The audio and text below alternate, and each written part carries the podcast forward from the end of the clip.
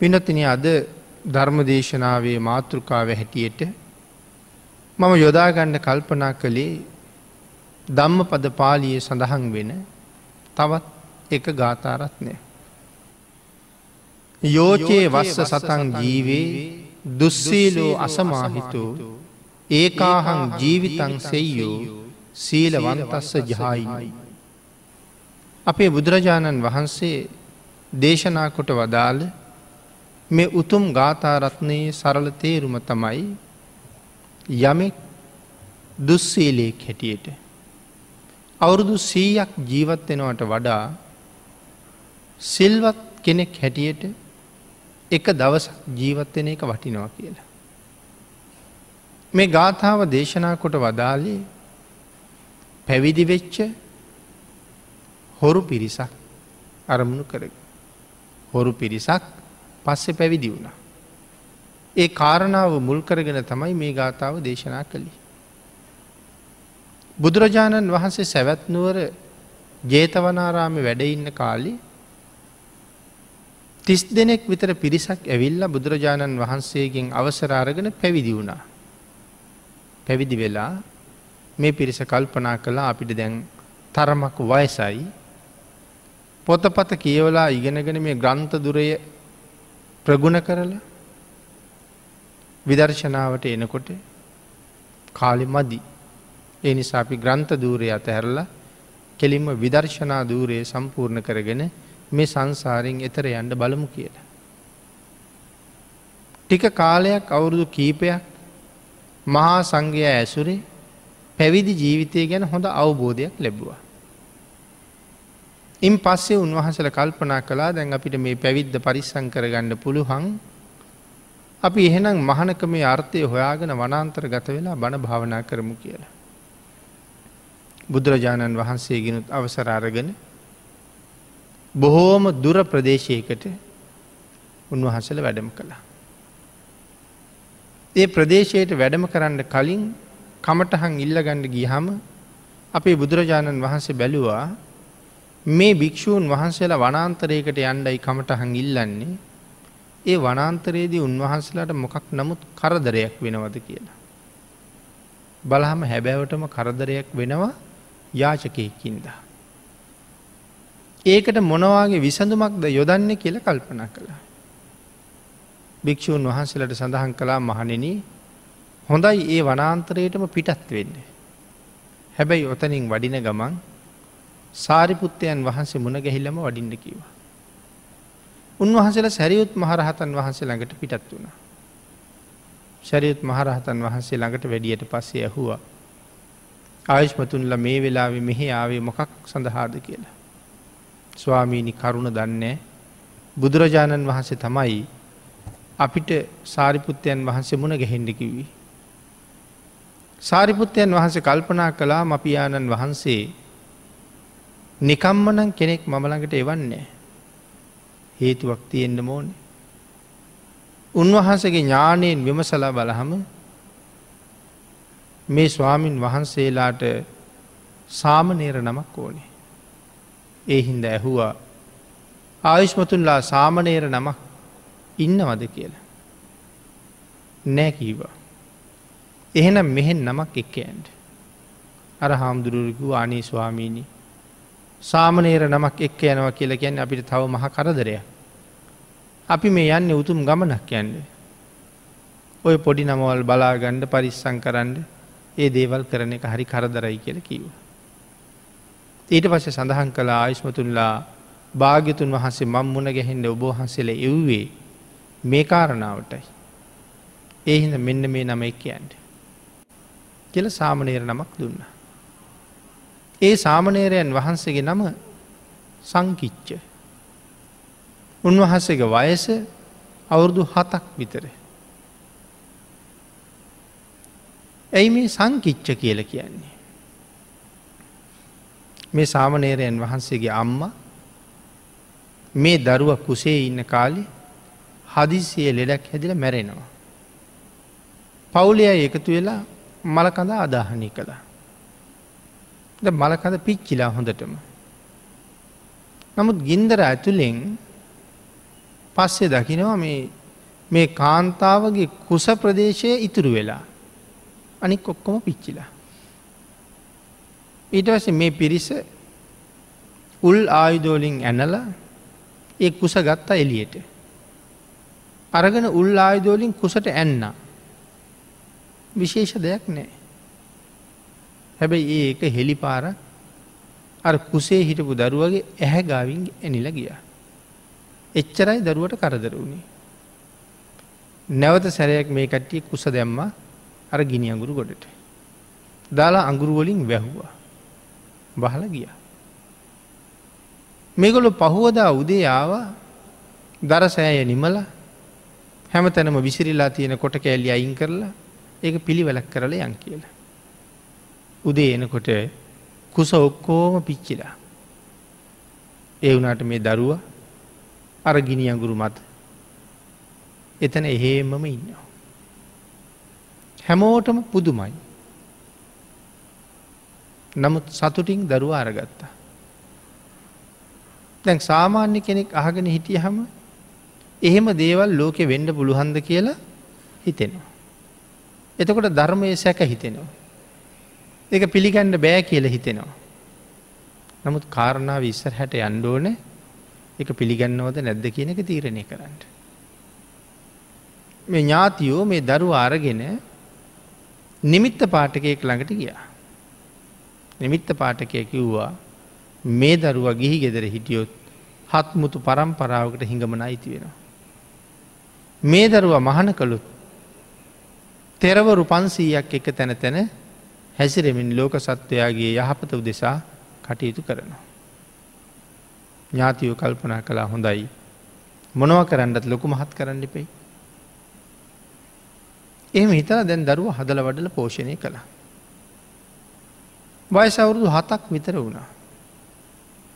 යම් කාරණාවක් සම්බන්ධයෙන් හිතලා නෑදැයන්ට සඳහන් කලා විශේෂයෙන් සෙල්ලං කරන්න ගියහම ගමේ ඉන්න අනික් ළමයි බයිනවා. බයින්නේ උඹ බඩේ ඉන්න කාලේ උඹේ අම්ම මැරිලා ගිනි ගොඩේ දාලා පිච්චුවා. අංගුරු ගොඩ උඩ ඉපදිච්ච එකා කියලා ළමයට බයිනවා. ඒක අහලා සංවේග ඇතියලා ඥාතීන්ට කියලා මං මහන කරන්න කියලා කිව්වහම තමයි ගෙනහින් සැරියුත් මහරහතන් වහසට බාරදෙන්. අවුරුදු හතයි වයස පැවිදි කරන්න හිතාගෙන දරුවගේ කෙස් බාන වෙලාවි සිව් පිළිසිඹියාපත් මහරහතන් වහස නමක් බවට පත්වෙනවා. දැන් එතකොට අපිට විශ්වාස කරන්න බෑකිවන අර කතාව. පිනතන මේ ශාසනයේ ආර්ය මාර්ගයට යනකොට සෝවාන් සකදාගාමි අනාගාමි අරිහත් කියලා සිව් පලයක් තියෙන. සෝවාන් වෙච්ච උත්තමයෙක් කවදාවත් සතරපාය යන්නේ නෑ. නමුත් තවත් ආත්ම හතක් උපදිනවා. එක දෙව්ලව මනුලව දෙගතියම සිද්ධ වෙන්න පුළුවන්. එතකොට හත්වෙනි ආත්මට යනකම්ම වෙනත් කිසිම පලයක් ලැබුව නැත්තම්. තාමත් හත්වෙනි ආත්මෙත් සෝවන්නන් මේ ආත්මෙන් පස්සේ උපදින්නේ උපදින්නේ නෑ. එහෙමනම් මේ ආත්ම භාවයේ අනිවාර්යෙන්ම පිරිනිවම් පානොයි වෙන්නේ. හදිස්සියේ ගමනක් යනකොට කෙනෙක් පිටිපස්සෙන් ඇවිල්ල කඩුවෙන් කෙටුවත් පිරිනිවම් පානුව මිසක් අපවත්වෙනවා කියලනේ. ඒ කඩු පහර වැදිලා ජීවිතයේ සුන්වෙන මොහොතට කලින් අරහත්වය ලබනවා මයි කියල සඳහන් කරන්න. සංකිච්චයන් වහන්සේගෙත් සෝවාන් ජීවිතය අන්තිමාත්මි. අන්න ඒ නිසා සඳහන් කළා මහමෙර පතුලට තියල තද කෙරුවත් මරන්න බෑ කියලා. රහත් වෙලාම පිරිනවා පානො මිසක්. අන්‍ය උපක්‍රමයකින් මැරුණත් රහත් වෙනවා කියලයි සඳහන් කරන්න.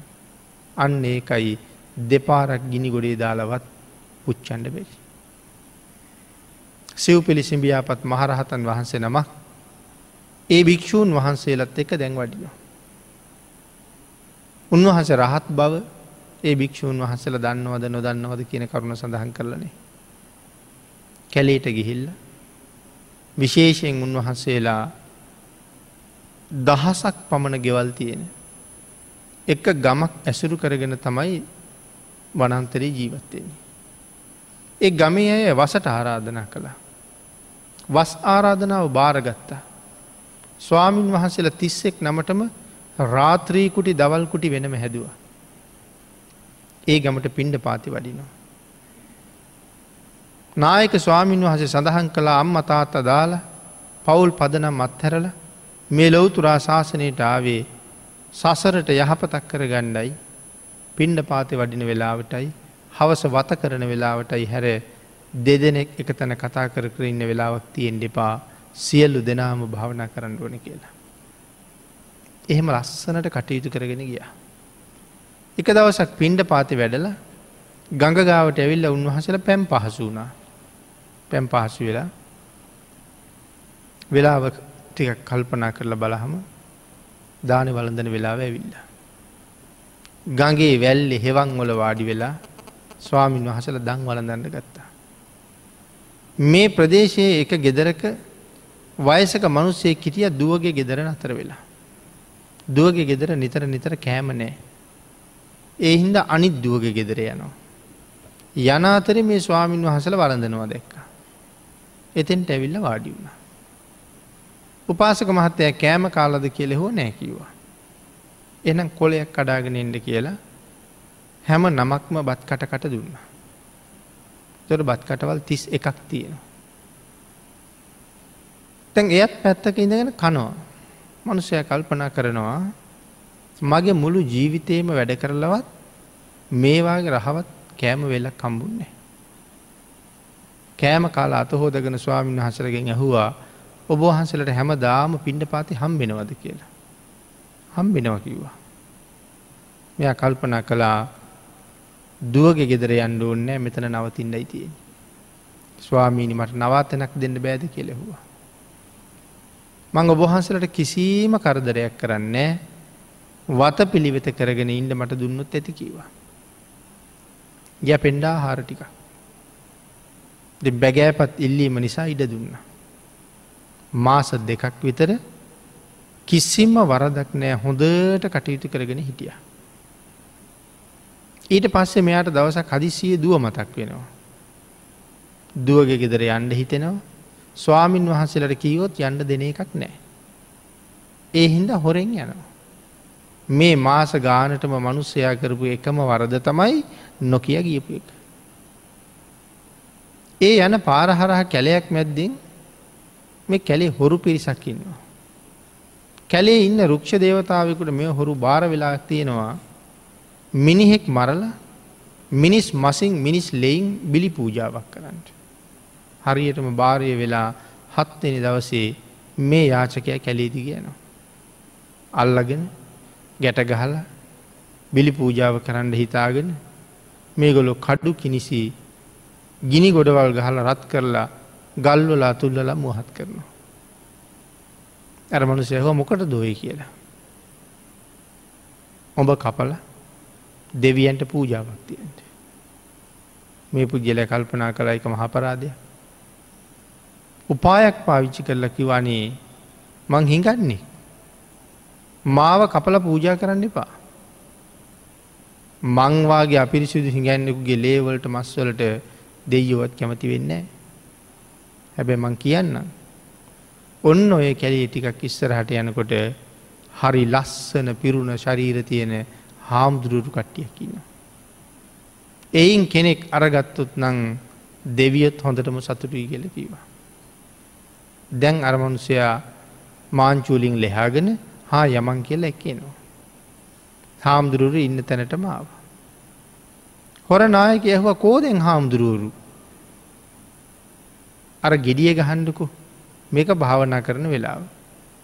ගෙඩිය ගහන්නේ කාටහරි කරදරයක් වෙච්චාම. ඔක්කොම කට්ටිය ලිටෙනවා කිව්වා. හොර නායකය ගිහිල්ලා අර ගෙඩිය ගැහ්වා. ඔය ආරණ්‍යෝලෙහෙම අපි දකිනවා බෙනයක් ඇතුළි හාරපු කොටයක් එල්ලලා තියෙන. ඒකට තවලීයකින් පාරගහපු පාරක් ගහපු හම පැත්ත පුරාම ලොකු සද්ධයක් යන. ඒ දානෙ වල දන්ඩ පින්ඩ පාතිට එන්ඩ බුදුන් වඳින්ඩ වත කරන වෙලාවට සංඝයා රැස් කරවණ්ඩයි ඒකට ගහන්න. සද්‍ය ඇහුන විතරයි හැම පැත්තෙම කුටියොලින් එලියටාව. හොරනායකයගෙන් ඇහු ඇයි එයා කතාව මුල ඉඳලම කීවා. මෙයා තමයි යපි එක්කාවි. ඊට පස්සේ එතන ඉන්න නායක හාමුදුරුව අනි කාමුදුරුවන්ට කතා කරලා කිව්වා ආයුෂ්මතුල්ලා සහෝදර පිරිසට කරදරයක් ආවහම මුලින්ම ඒක බාරගණ්ඩෝනි වැඩිමල් සහෝදරය. එනම් දැම් ප්‍රශ්නයක් තියෙනවා ඔබවහන්සේලා අප්‍රමාදීව බණ භාවනා කරලා සංසාරයෙන් එතර යායුතුයි මං මගේ ජීවිතය පූජ කරනවා කියලා. දෙවනි හාමුදුරුව නැගිට්ට ස්වාමීනය එහෙම කියන්න එපා. මටත් ඒ අයිති ජීවිතය දෙන්නේ මමයි කියල කිවා.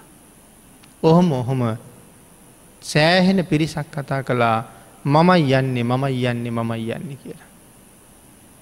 ආංගේ වෙලා අර හත් අවුරුදු වයිස සාමනේරයන් වහස කියනව නෑස්වාමීනී මමයි යන්නේ. වෙන කිසි කෙනෙක් එන්න එපා මේක මට අයිති වැඩ. බුදුරජාණන් වහන්සේ මම එව්වේ මේ වැඩේටමයි. හිඟන්නෙකුගින් කරදරයක් වෙනවා කියලන දැක්කේ මේ වැඩේටමයි මං එවේ මේක මගේ වැඩි. අනේ අර ලොකු ස්වාමීන් වහන්සේලා ඔක්කොගේ මැස්වලින් කඳුළු වැැක්කෙරෙනවා මේ චූටි දරුවට දැම්මකති කරන්න කියලා. දැන් හොරු එක යනවා. ලොකු ස්වාමීන් වහසේ අඩ ගැහුව හොර නායකයට. කිව අවුරුදු හතයි මේ දරුව තව බයයි. උඹලගේ කඩු කිනිසි මුහත් කරන වෙලාවට ළමයට පේෙන් නැතිවෙන්ඩ ඈතකට ගිහිල්ල වරත් කරලා මුහත් කර ගනිල්ලා පුංචි හාමුදුරන්ට පේන්ඩේ වැඩ කරන්න එපාකිවා. සියල්ල කරගෙන ඇවිල්ල මරණයට සූදානන් කරලා තියෙන තැන සංකිච්චයන් වහන්සේට වාඩිවෙඩ කිවා. උන්වහන්සේ වාඩි වෙලා පලක් බැඳගත්තා හොරනායකයා කඩුව ඒ මේ අත පෙරල පෙරල ඇවිල්ල තමන්ගේ කඩුවෙන් පහරක් උන්වහසගේ බෙල්ලට එල්ල කළා. ඒත් එක්කම මේ කඩුමුණත දෙකට නැමුව වගේ ඇවිල්ල මිට ගාව හේත්තු වුණා. නැවත වතාවක් කඩුවදී ගෑරිය ආයෙත් මුවහත් කරලා බෙල්ලට පාරක් ගැහුවා.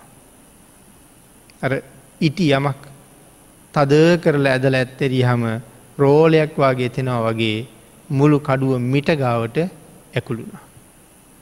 හොරනායකය කල්පනා කළා මේ කඩුවෙන් මීට කලින් මිනිස්සු මරලා තියෙන. හැබැයි මැරුම් කන මිනිස්සු ඔක්කොම මගේ කකුල් දෙක් ගාව වැටිල ජීවිතය ඉල්ලවා.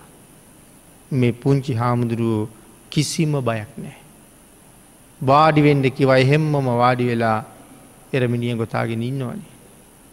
අනිත් එක මගේ කඩුව ගල් කනුවකට කෙටුවත් ගල් කනුව දෙකට කැපෙනවා මිසක් මගේ කඩුවට කරදරයක් නැති කඩුවක් මංගාවතිී. නමුත් මේ සාමනේරයාගේ ගෙල සිඳින්ට ඒ කඩුව සමත් නෑ. කඩුව විසික්ක පැත්තකට ඉඳගත්ත උන්වහන්සේ ළඟ අනි ස්වාමීනී කොහොමද ඔය බයි නැතිවුණේ. අනි ස්වාමීනී ඔබ වහන්සේ යන පාරි මාත්තරයන්ට. හොරු දිහා බැලුව මොක දොඹල කියන්නේ මම මේ හාමුදුරුත් ළඟ මහන වෙනවා. හොරු කිව අපිත් මහන වෙනවා. දැන් කැලේ මහන කරවන්ඩ හැටියක් නෑ. පඩු පොවන්ඩ හැටියක් නෑ සිවුරු නෑ මේ ගොල්ලු ඇඳගෙනන්න ඇඳුම්ම ගලවල තඹවන් මැටි ගෙනල්ල මැටි භාජනවලට මැටි දිය කරලා ඇඳුන් ටික ඒකට දැම්ම. මැටිවල කහට ඇල්ලුවාට පසේ සෝදල මෙ සියලු දෙනාට මේ වස්ත්‍රටික ඇන්දෙව්වා. සිවුරු පාට ඇඳුම් වස්ත්‍ර අන්දගෙන කල්පනා කළා මගෙත් එක කැලේටාපු මහස්වාමින් වහන්සේලා කවුරුවත් භාවනා කරන්නේ ඔක්කොම කඳුළු පෙර පෙරඉන්නවා. කමට හන අසාර්ථකයි උන්වහන්සේලගේ මං මැරුන් නැති බව කියන්නුවන. අර තිස් දෙනත් අර හොරු ටිකත් අඳගහගෙන උන්වහන්සේල මුණ ගැහිල්ල තමන් වහන්සේ නොමැරුණ බව කියලා ස්වාමීණි මගේ කාර්ය හරි ඔබහන්සේලා රකිින්ඩයි මම ආවි අය කරදර නෑ ඔබහන්සේල සංසාරයෙන් එතරයන්ට මමත් මේ ඇත් එක යනවා කියලා සැරියුත් මහරහතන් වහසට කතා කරලා බුදුරජාණන් වහන්සේ ළඟට ගිහිල්ල කරුණු දැක්වවා ආන්ගේ කරුණු දැක්වීමෙන් පස්සෙ තමයි මෙන්න මේ ගාථරත්නය දේශනා කළි. භාගිතුන් වහස දේශනා කලා මහනිනී දුස්සීලේ කෙටියට අවුරුදු සීයක් ජීවත්වෙනවට වඩා සීලවන්තයෙක් හැටියට ජීවත්වෙන එක දවස වටිනවා කියලා. කෞද මේ දුස්සීලයෝ කෞද මේ සීලවන්තයෝ කියන කාරණාව මෙතැදි සාකච්ඡා කරන්න තියෙනවා. භික්‍ෂූන් වහන්සේලගේ පාර්ශවයෙන් ගත්තහම මේ ධර්මකාරණාව ඒක විස්තර කරනවා. උපසම්පදා භික්‍ෂූන් වහන්සේ නමක් වුණහම අපි හිතන හිතන හැටියට දුස්සීලයි කියල කියන්න පුළුහන්ද දුස්සීලද නැද්ද කියන කාරණාව අපි දන්නේ අපි දන්නේ නෑ. දුස්සීලයි කිව යුත්තේ කොහොම කෙනෙකුටද කියන එක භාගිතුන් වහස වෙනම පෙන්නලා තියෙන. උපසම්පදා වෙච්ච භික්‍ෂූන් වහස නමකට නං පාරාජිකා හතරක් තියෙනවා. අපි අටිගෙන සතර පාරාජිකා. උන්වහන්සේට පැනවිලා තියෙන ශික්ෂා පදවල මුල්ම කාරණා හතර එක මහනක මේ ජීවය හැටියට තමයි දකිින්. මේ හතරෙන් එකක් කැඩුනොත් ඒක මහනකමත් එක්කම ඉවර වෙනවා. එතකට මොනවදී සතර පාරාජිකා පලවෙනි එක මයිතුන දම්ම පාරාජිකාව. ස්ත්‍රියක් සමඟ කායික සම්බන්ධතාවයක් පැවැත්තුවොත් පාරාජිකා පත්තියට ලක් වෙනවා. අදත්තාදාන පාරාජිකාව. යමක් හොරකං කළොත් පාරාජිකා පත්තියට පත්වෙනවා. උත්තරි මනුස්ස දම්ම පාරාජිකාව. තමන් උතුම් මනුෂ්‍ය තත්ත්වයට ඇවිල්ල නැතුව ඒ ඇන සෝවාං සකදාගාමි වෙලා නැතුව නමුත් ප්‍රජාවට ඒක අඟෝනවා. අනාගාමි රහත් වෙලා නැතුව එක ප්‍රජාවට අඟෝනවා. ප්‍රජාවට කියනවා. නැත්තන් දැනෙන්ඩ අරිනවා ඉඟි කරනවා. අංගිකට එක නැති ගුණ කියනවා. මේ ශාසනය රහතන් වහන්සේල කවදාවත් කියන්නේ. මම රහත් කියල කොහොමුවත් කොහොමුවත්ම කියන්නේ. ඔබ වහන්සේ රහත් වෙලාද කියල හැවුත් ඒත් කියන්නේ ඒත් කියන්නේ නෑ. අපි හිතනවට වඩා මේ ශාසනය හරි නිර්මලයි මේ ශාසනය හරි සිව්. සඳහන් කළේ යම් දායක මහත්තේ. ඇහුවොත් ස්වාමීනී ඔබ වහන්සලා දවසකට කොච්චර භාවනා කරනවාද කියලා. දේශනාව තියෙන්නේ මෙච්චරක් භාවනා කරනවය කියල කියන්න එපා කියලා. බේරෙන්ඩම බැරිවුණොත් තමන් ගැන කියන්න එපා කියලයි අපිට දේශනා කරලා තියෙන කියල කියන්න කිව. තමන් කවුද කියල කියන්න යන්න මං භාවනා කරනවා ම මාර්ග පල්ල බල ඉන්න මන් දවසකට පැමිච්චර භාවනා කරන කියන්න යන්න අවසරනෑ. එනම් රහතන් වහන්සේවත් කියන්නේ නෑ. ප්‍රාර්ථනා දෙකයි තියෙන්නේ මම රහත් වන බව කිසි කෙනෙක් නොදැන ගනිත්වා එක ප්‍රාර්ථනාවක් මහරහතන් වහසින්. හැබැ මේක නික්ලේසී පැතුමක්නේ නතම් අයත් අහිනි තන්හාව තිබ්බද කියලා නෑ මේක නික්ලේසී පැතුමක්. මම රහත් වන බව කිසි කෙනෙක් නොදැන ගනිත්වා නමුත් මට ලැබුණ උතුම් රහත් පලය මේ ලෝක අනික් සියලු දෙනාටම ලැබේවා. ඕක රහතන් වහසගේ ප්‍රාර්ථනාව. එතකොට අවසාන පාරාජිකාව මනුස්ස විග්ගහ මිනිහෙක් මරන්න බෑ. ඔය හතරෙන් එකක් කළොත් හාමුදුරුව ශ්‍රමණ භාවය අහුසි කරගත්ත වෙනවා. මෙන්න මේ හතරෙන් එකකට ලක්වෙලා නම් විතරයි දුස්සීලයා කියන්න පුළුවන්. මේ හතර රැකගෙන ඉන්නවනං කිසි සේතුන් වහසට දුස්සීල භික්ෂුවක් කියල කියන්න බැරි බව භාගිතුන් වහසගේ ශාසනින් පැහැදිි කරනවා.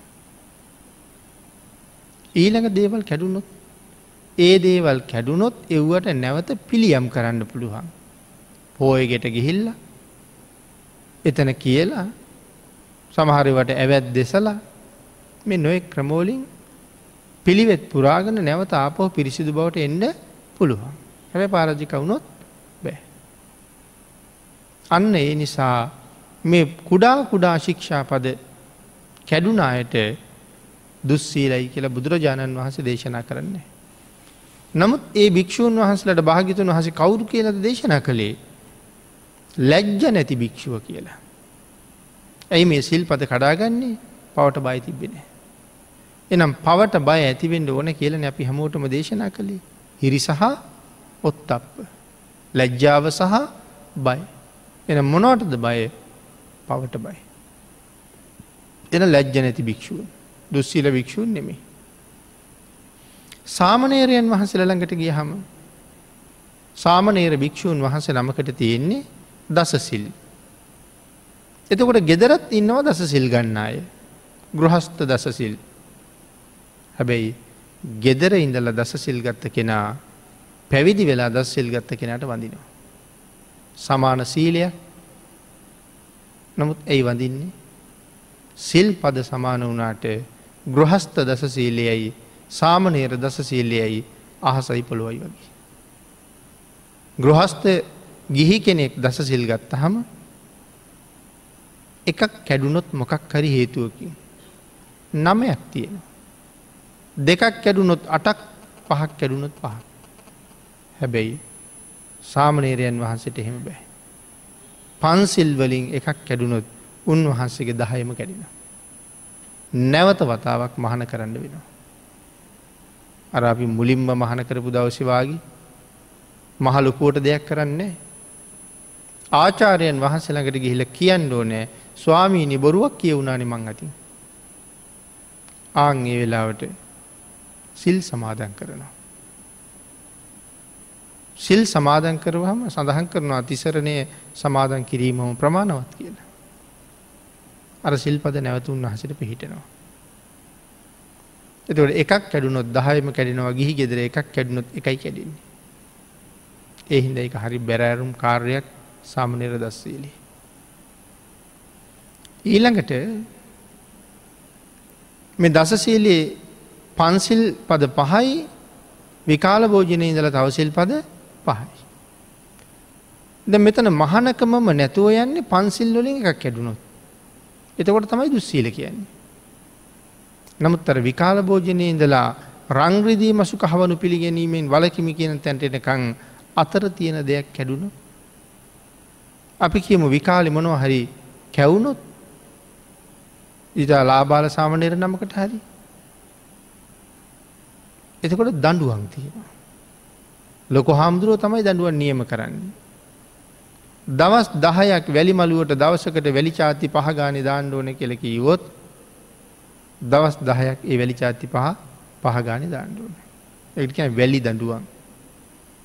ඒ දඩුවමෙන් පස්සේ උන්වහසේ අපහු පිරිසිදු වෙනවා නමුත් ආයති සංවරයේ පිහිටීම සඳහා සිල් දුන්නොත් හොඳයි කියල කියන. ඒ වගේ තියෙනවා වැලි දඩුවන් වත් දඩුවන් වෙනම දඩුවන් තියෙනවා ඒ පහ උල්ලංඝනය කරහම අපහු පිරිසිදුවෙන්ට. මේ සාමනේර සීලේ අප මේවා මේ බොහොම කිටියෙන් සිහිපත් කරන්න. එතකොට පැවිදි දුස්සීල වෙන්නේ පාරාජිකා වෙලා නම් දුස්සීලයි පන්සිල් කෙල්ලන සාමනේර නමත් දුස්සීලයි. එතකොට මේ සිල් කියන සාධකය ලෝකෙ අවශ්‍ය පැවිද්දන්ට විතරද ගිහි පැවිදි දෙපාර්ශවයටම. එතකොට ගිහි අයගේ නිත්‍ය සීලයක් තියෙනවද පන්සිල්. මේ සිල්පද පහේ කෝක උල්ලංඝනය වනොත් ගිහි අයි දුස්සීල වෙනවද මේ පහෙන් කෝක කැඩුනත් ගිහි අයට කීවේ දුස්සීලයි කියලා. එතට පැවිදි විතරද දුස්සීල ගිහි පැවිදි දෙපාර්ශයම දුස්සීල ඉන්න. තිසරණ සහිත පන්සිල් නැත්තං ඒ හැම කෙනාටමකි විදුස්සීල කියලා. එනම් මේ මුළු සමාජ පුරාම දපි දකින මිනිස් ජනගහනයෙන් සීයට අනු අටක්ම දුස්සීල ඇති නේද නැති ඇතින්න. නමුත් වැඩි ප්‍රමාණයක් දුස්සීලයි. එහෙම ධර්මයෙන් කතා කරනකොට තමන්ගේ හරද ශාක්ෂයට යන්නම වෙනවා. මෙතෙක් මගේ ජීවිතයේ මම කොතනද කියන ප්‍රශ්නයට උත්තරයක් අහන්ඩම වෙනවා. හැබැයි අපි දුස්සීලව ඉඳගෙන තව කෙනෙකුට දුස්සීලයාය කියන එක තරන් ගැලපෙන්නේ නෑ. අපි දුස්සීලව ඉඳගෙන සිල්වතුන් හොයාගෙන යන්ඩ උත්සාහ කරන එකේ තේරුමක් නෑ. අපි සිල්වත් වෙලා සිල්වතුන් හොයන්ඩ යනවනං වටිනෝ. එතෙන්ට මග නිතර හදන්ඩෝනේ. එනම් ගිහි දුස්සීල ගැන පන්සිල් නැති අයි කියල සිහිපත් කළා. ආන්ගේ උතුම් සීලේ ජීවිතයක අනිවාර්යෙන් පෝෂණය කරගත යුතු බව භාගිතුන් වහන්සේගේ උතුම් අවවාදය. පන්සෙල්වලින් තොර වෙනවට බුදුරජාණන් වහස කැමතිනේ. මග කියල දීල තියෙනවා. ළඟට ඇවිල්ල නවත්තන්න බෑනේ මග කියල දීල තියෙනවා. මේ පන්සිල් උල්ලංඝනය කිරුවොත් මෙන්න මෙහෙම විපාකයකට ගොදුරුවෙන්ඩ වෙනවා. කැමතිනං ඔහොම හිටියට කමක් නෑ නැත්තං පන්සිල් මත මනාව පිහිටන්ඩ කියලයි දේශනා කරන්න. යමෙක් ළඟ තිසරණ සහිත පන්සිල් වෙත්ද ඔහුට කීවා හැබැවිම්ම බෞද්ධයා කියලා. තිසරණ සහිත පන්සිල් නිවැරදිව තියෙන කෙනා තමයි බෞද්ධවෙන්. ආං එහෙමනක් පිනතුනී අපේ සංකිච්චයන් වහන්සේ බුදුරජාණන් වහන්සේ ළඟට ගිහිල්ල අර හොරු ටික පෙන්න්න හම ඒ අයට නැවත මහත් සාධාරණයක් මේ ශාසනයෙන් ඉෂ්ට වෙනවා. එතොට සඳහන් කළේ දුස්සීලයකුගේ අවුරුදු සීයකට වඩා සීලවන්තයකු එක දවස වටිනවා කියලා. අපි අපේ කාරණාවටම ගියොත් ආය දක්කින විභංගේ භාගිතන් වහස කරුණු දක්වනවා තිරිසං සතකුට කෑම වේලක් දුන්නොත් අනාගත ජීවිත සීයක මට කෑම හිග නෑ කියලා. දුස්සීල මිනිහෙකුට දුන්නොත් ඒ ඇනි තිසරණ පන්සිල් නැති මිනිහෙකුට දුන්නොත් අනාගත ජීවිත දාහයි. ඊළඟට සඳහන් කළා පෘතජ්ජන සීලවන්තයකුට දුන්නොත්. කාටද මේ පෘතජ්ජන සීලවන්ත කියල කියන්න. එයාගාවත් තිසරණයි පන්සිලුයි නෑ. නමුත් එහෙම වනාට පන්සිල් සමාදන් වෙලා නැති වුණාට වැරදි කරන්න නෑ. දඩේ මේ යන්න දැල්දාන්ඩ යන්න ඒ වගේ දේවල්ලොට යන්නෙත් නෑ. අනුන්ගේ කාමවස්තු පැහැර ගණ්ඩ යන්නෙත් නෑ අනුන්ගේ වස්තු හොරකං කරන්න යන්නෙත් නෑ සාමාන්‍යයෙන් බොරු කියන්නේ ප්‍රාරක්කු බොන්්ඩ යන්නෙත් නෑ. හැබැයි නොකරම ඉන්නෙත් නෑ. සත්තු මරන්නේ එවනට හදිසියේ ගෙදර තියෙන පැදුරුවානක හරි දියමකුළුවක ඉන්නවා දැක්කොත් නොමර යවන්නෙත් නෑ. හේතු ගොඩක් තියෙනවා ළමයි ඉන්නවා කියනවා රෑට විල්ලඟට පනීද දන්න කියනවා ප්‍රශ්න ගොඩක්නේ එහෙද නොමර යවන්නෑ. ඉතින් ඔය ගිහිල්ල වැව් පිටි ගාන කැලෑවල් ගාන සත්තු මරන්ඩ යන්නේ නෑ. ඊළඟට බොරු කියන්නෙත් නෑ බේරෙන්ඩම බැරුණොත් නොකිය ඉන්නෙත් නෑ. හොරකං කරන්නෙත් නෑ අවශ්‍යම දෙයක් දැක්කුත් නොගෙන ඉන්නෙත් නෑ. වැරදි කාම සේවනයට යන්නෙත් නෑ දිගින් දිගට අවස්ථාව ලැබෙනවනම් ප්‍රයෝජන නොගෙන ඉන්නෙත් නෑ. රාරක්කු බොන්නෙත් නෑ අනුන්ගෙන් නිකං හම්බෙනවනං සමහට නොබී ඉන්නෙත් නෑ. ආංගේ අයට කියනවා පෘතජ්ජන් සීලවන්ත කියලා. නිතර කරන්නේ නමුත් අර විදිහට උන්නොත් නොකර ඉන්නෙත් නෑ. එහෙම කෙනෙකුට කෑමවේලක් දුන්නොත් අනාගත ජීවිත ලක්ෂයක විපාක දෙනවා. ඊළඟට අහසින් යන තවුසේ. හැබැයි තිසරණ පන්සිල් නෑ. බාහිර තවුසෙක් කියල කියන්නේ. ශාසනයට පිට පැත්තෙත් ධ්‍යාන භිග්ඥා තියෙන අය එදත් හිටියා දත් ඉන්නවා. ආං එහෙම තවසකට කෑම වෙලක් දුන්නොත් අනාගත ජීවිත කෝටි ලක්ෂයක විපාක දෙනවා. තිසරණයි පන්සිලුයි තියෙන උත්තමයකුට කෑම වෙලක් දුන්නොත් අනාගත ජීවිත අසංකේයක විපාක දෙනවා. එතකොට තිසරණයි පන්සිලුයි තියෙන කෙනෙකුට කෑමවෙලක් දුන්නොත් අනාගත ජීවිත අසංකෙයියක්. මට දුන්න කෙනට කෑම හිග නෑ. එතකොට අපි දානි ගෙදරකට යනවා.